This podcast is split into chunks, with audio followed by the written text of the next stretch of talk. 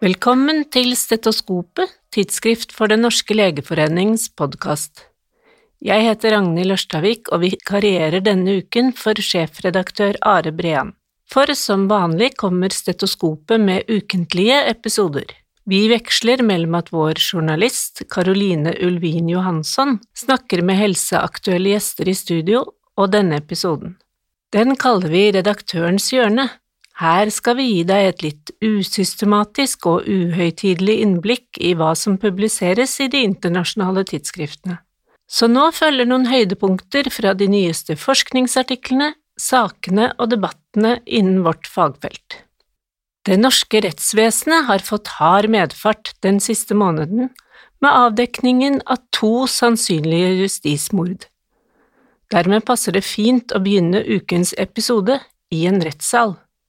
Vi skal til Australia, og hun som der er betegnet som landets verste kvinnelige seriemorder. I 1999 våknet Kathleen Folbig en morgen og fant sin 18 måneder gamle datter død i sengen. Egentlig var det et typisk eksempel på plutselig spedbarnsdød, eller krybbedød som man ofte kalte det før. Patologene fant ikke noe uventet, utover kanskje noen tegn til inflammasjon i hjertet, uten kjent årsak. Men noe var uvanlig, Kathleen hadde nemlig allerede mistet tre andre barn på samme måte. Fire år senere ble Kathleen Folbig dømt for å ha drept sine fire barn. Ifølge nyhetsartikkelen i Nature som denne saken baserer seg på, var det ikke andre bevis enn omstendighetene, kanskje først og fremst noen dagboknotater og sannsynlighetsaspektet, at det ikke kunne være mulig at fire barn i samme familie døde på denne måten. Man vet jo ikke årsaken til plutselig krybbedød. Dermed konkluderte dommeren med at det var såpass usannsynlig at en slik tilfeldig hendelse kunne ramme fire ganger samme sted. Barnelegen Roy Meadow hadde nemlig i 1997 uttalt at ett tilfelle av krybbedød i en familie var en tilfeldighet, To var mistenkelig, og tre var mord, med mindre noe annet kunne bevises. Slagordet falt etter hvert i miskreditt, og Midov selv ble ekskludert fra den britiske legeforeningen nettopp på bakgrunn av vitneuttalelser i en annen rettssak, men det var etter at Kathleen Folbig var dømt. Saken har versert i australske medier i årevis. For en tid tilbake ønsket en gruppe forskere å finne ut om årsaken til at fire barn i samme familie døde, kunne skyldes en sjelden genetisk tilstand. De gjennomførte derfor genetiske undersøkelser av moren og de fire barna. Det viste seg at alle fem hadde en svært sjelden variant av kalmodulingenet KALM2. Genet koder for et protein som kontrollerer kalsiumkonsentrasjonen i cellene. Siden har striden ikke stått om hvorvidt det er mulig eller sannsynlig at lynet kan på denne måten slå ned fire ganger i samme familie, men om hvorvidt denne genvarianten kan forårsake hjertestans, især når mor, som også er bærer, tilsynelatende er hjertefrisk. Gjenopptakelsessaken begynte den 14. november. For første gang er det australske vitenskapsakademiet eh, bedt om å stille som ekspertvitner. Slik ønsker man å unngå at de ulike partene plukker ekspertvitner for å understøtte sitt syn.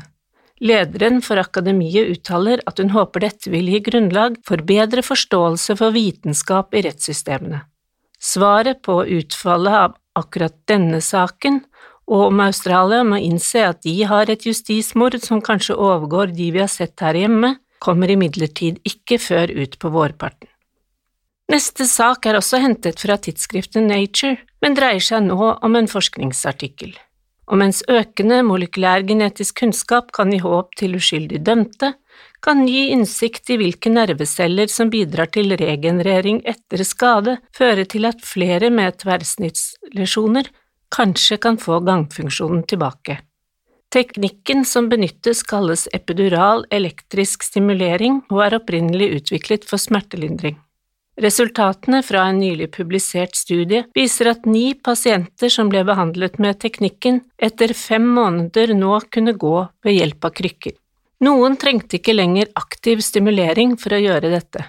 Resultatene er bare deler av en større studie, og foreløpig er det svært usikkert hvem som på sikt kan få nytte av denne teknikken.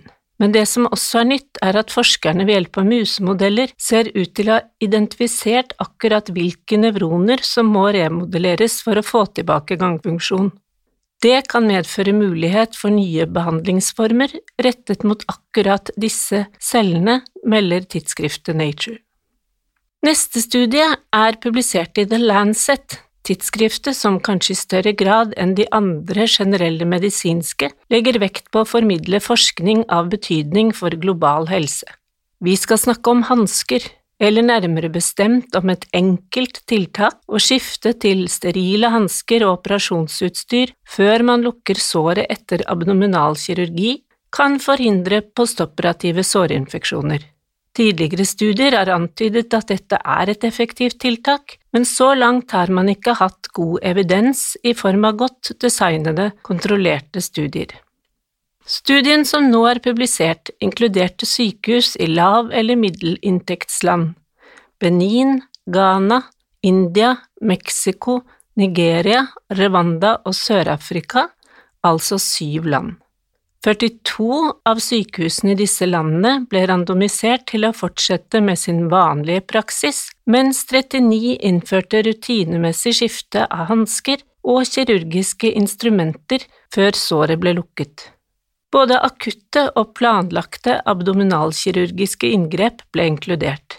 Enkelte, for eksempel keisersnitt, utgikk. Studien ble gjennomført mellom juni 2020 og mars 2022 og inkluderte i alt over 13 000 pasienter. Bare 0,8% av inngrepene i gruppen som skulle følge vanlig prosedyre, inkluderte skift av hansker og instrumenter, mens dette ble gjort i nesten 99% av tilfellene i intervensjonsgruppen. Pasientene ble så fulgt i 30 dager etter inngrepet.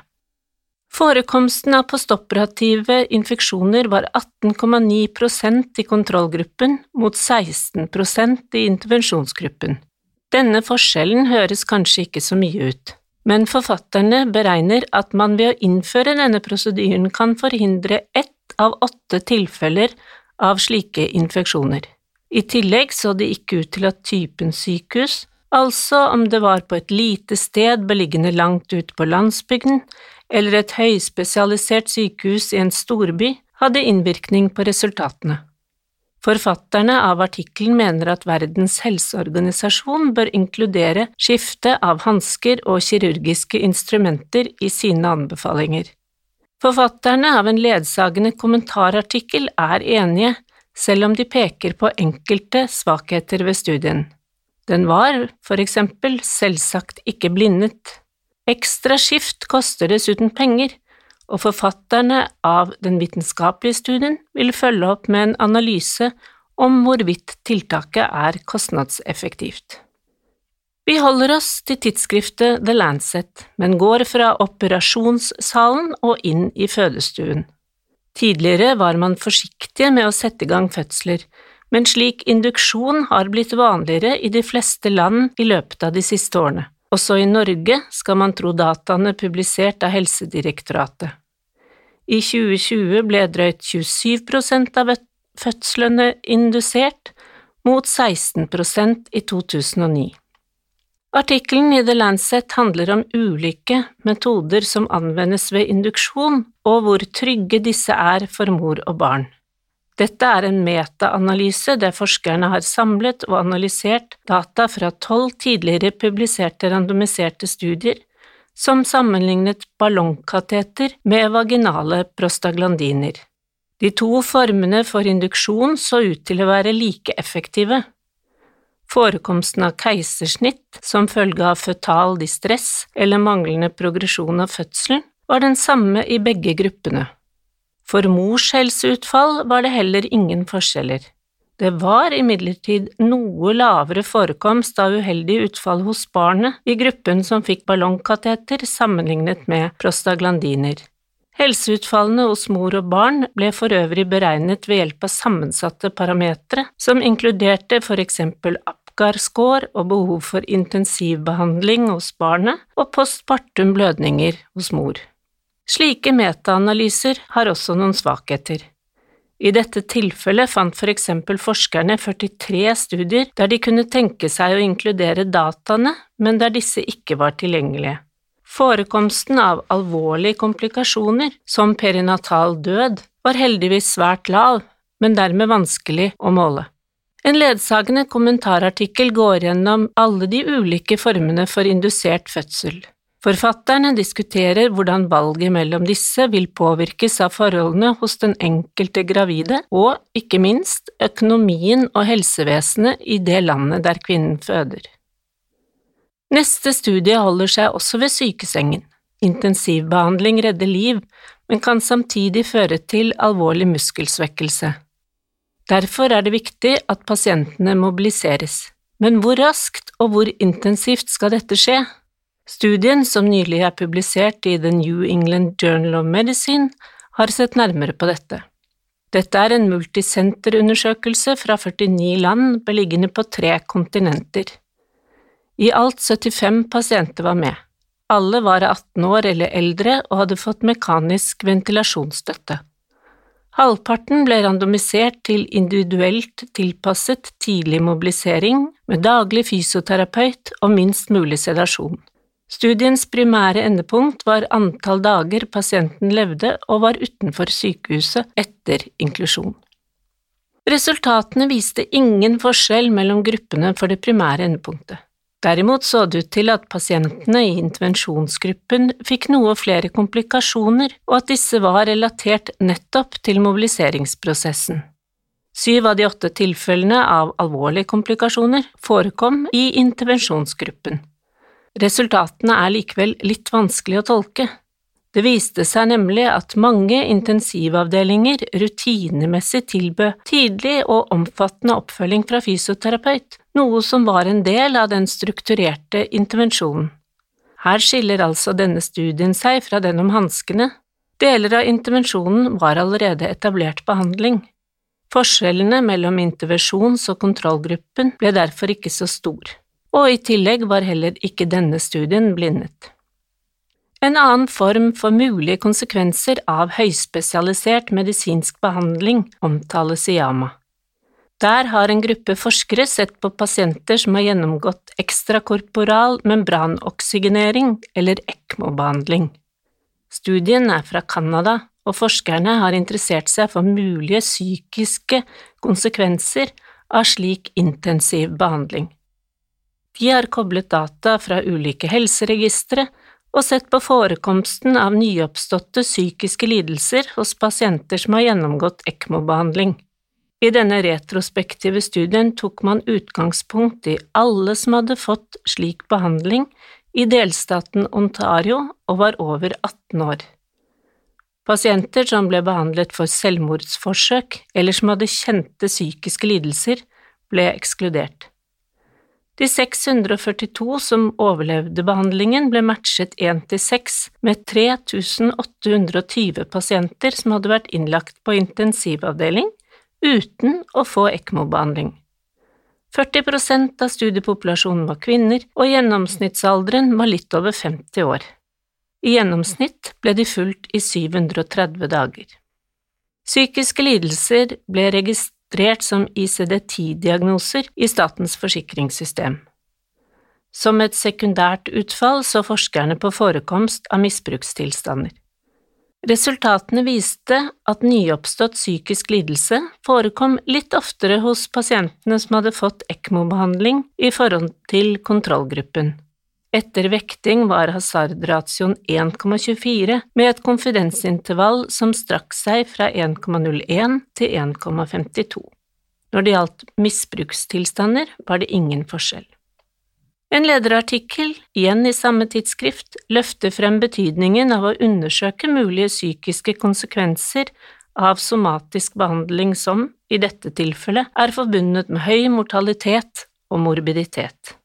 Samtidig er det umulig med et slikt retrospektivt design å si om det er en årsakssammenheng mellom behandlingen og diagnosene disse pasientene senere fikk.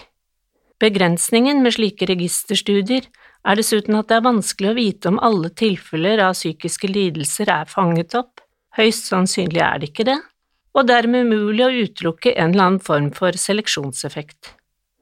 I tillegg er det vanskelig å justere for at pasientene som fikk ECMO-behandling, nok var sykere og hadde et mer langtrukkent og komplisert behandlingsforløp enn kontrollpopulasjonen. I den siste vitenskapelige studien i dag skal vi bevege oss ut i allmennpraksis.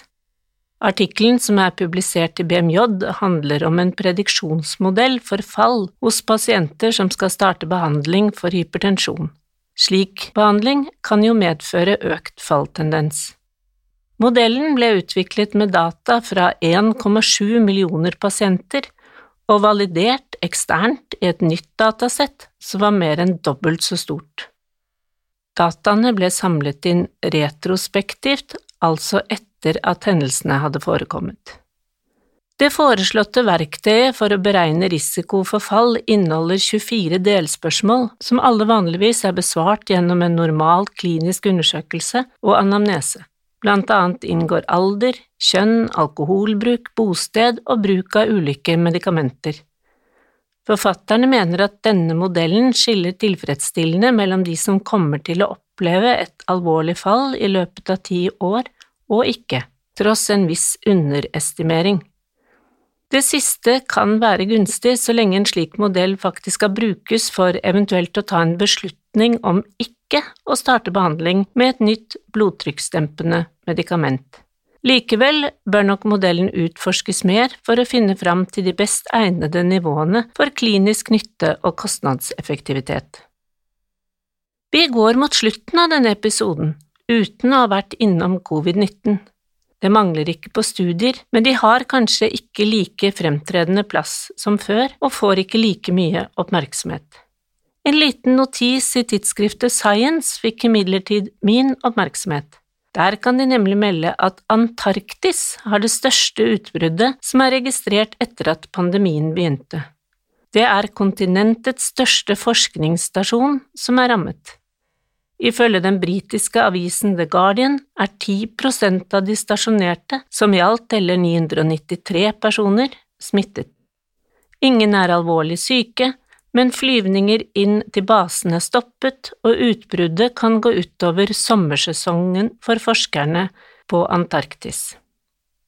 Her hjemme går det mot vinter, uten at vi har merket så mye til det de siste dagene. Min periode som vikar i denne kanalen er også over, sånn for denne gangen.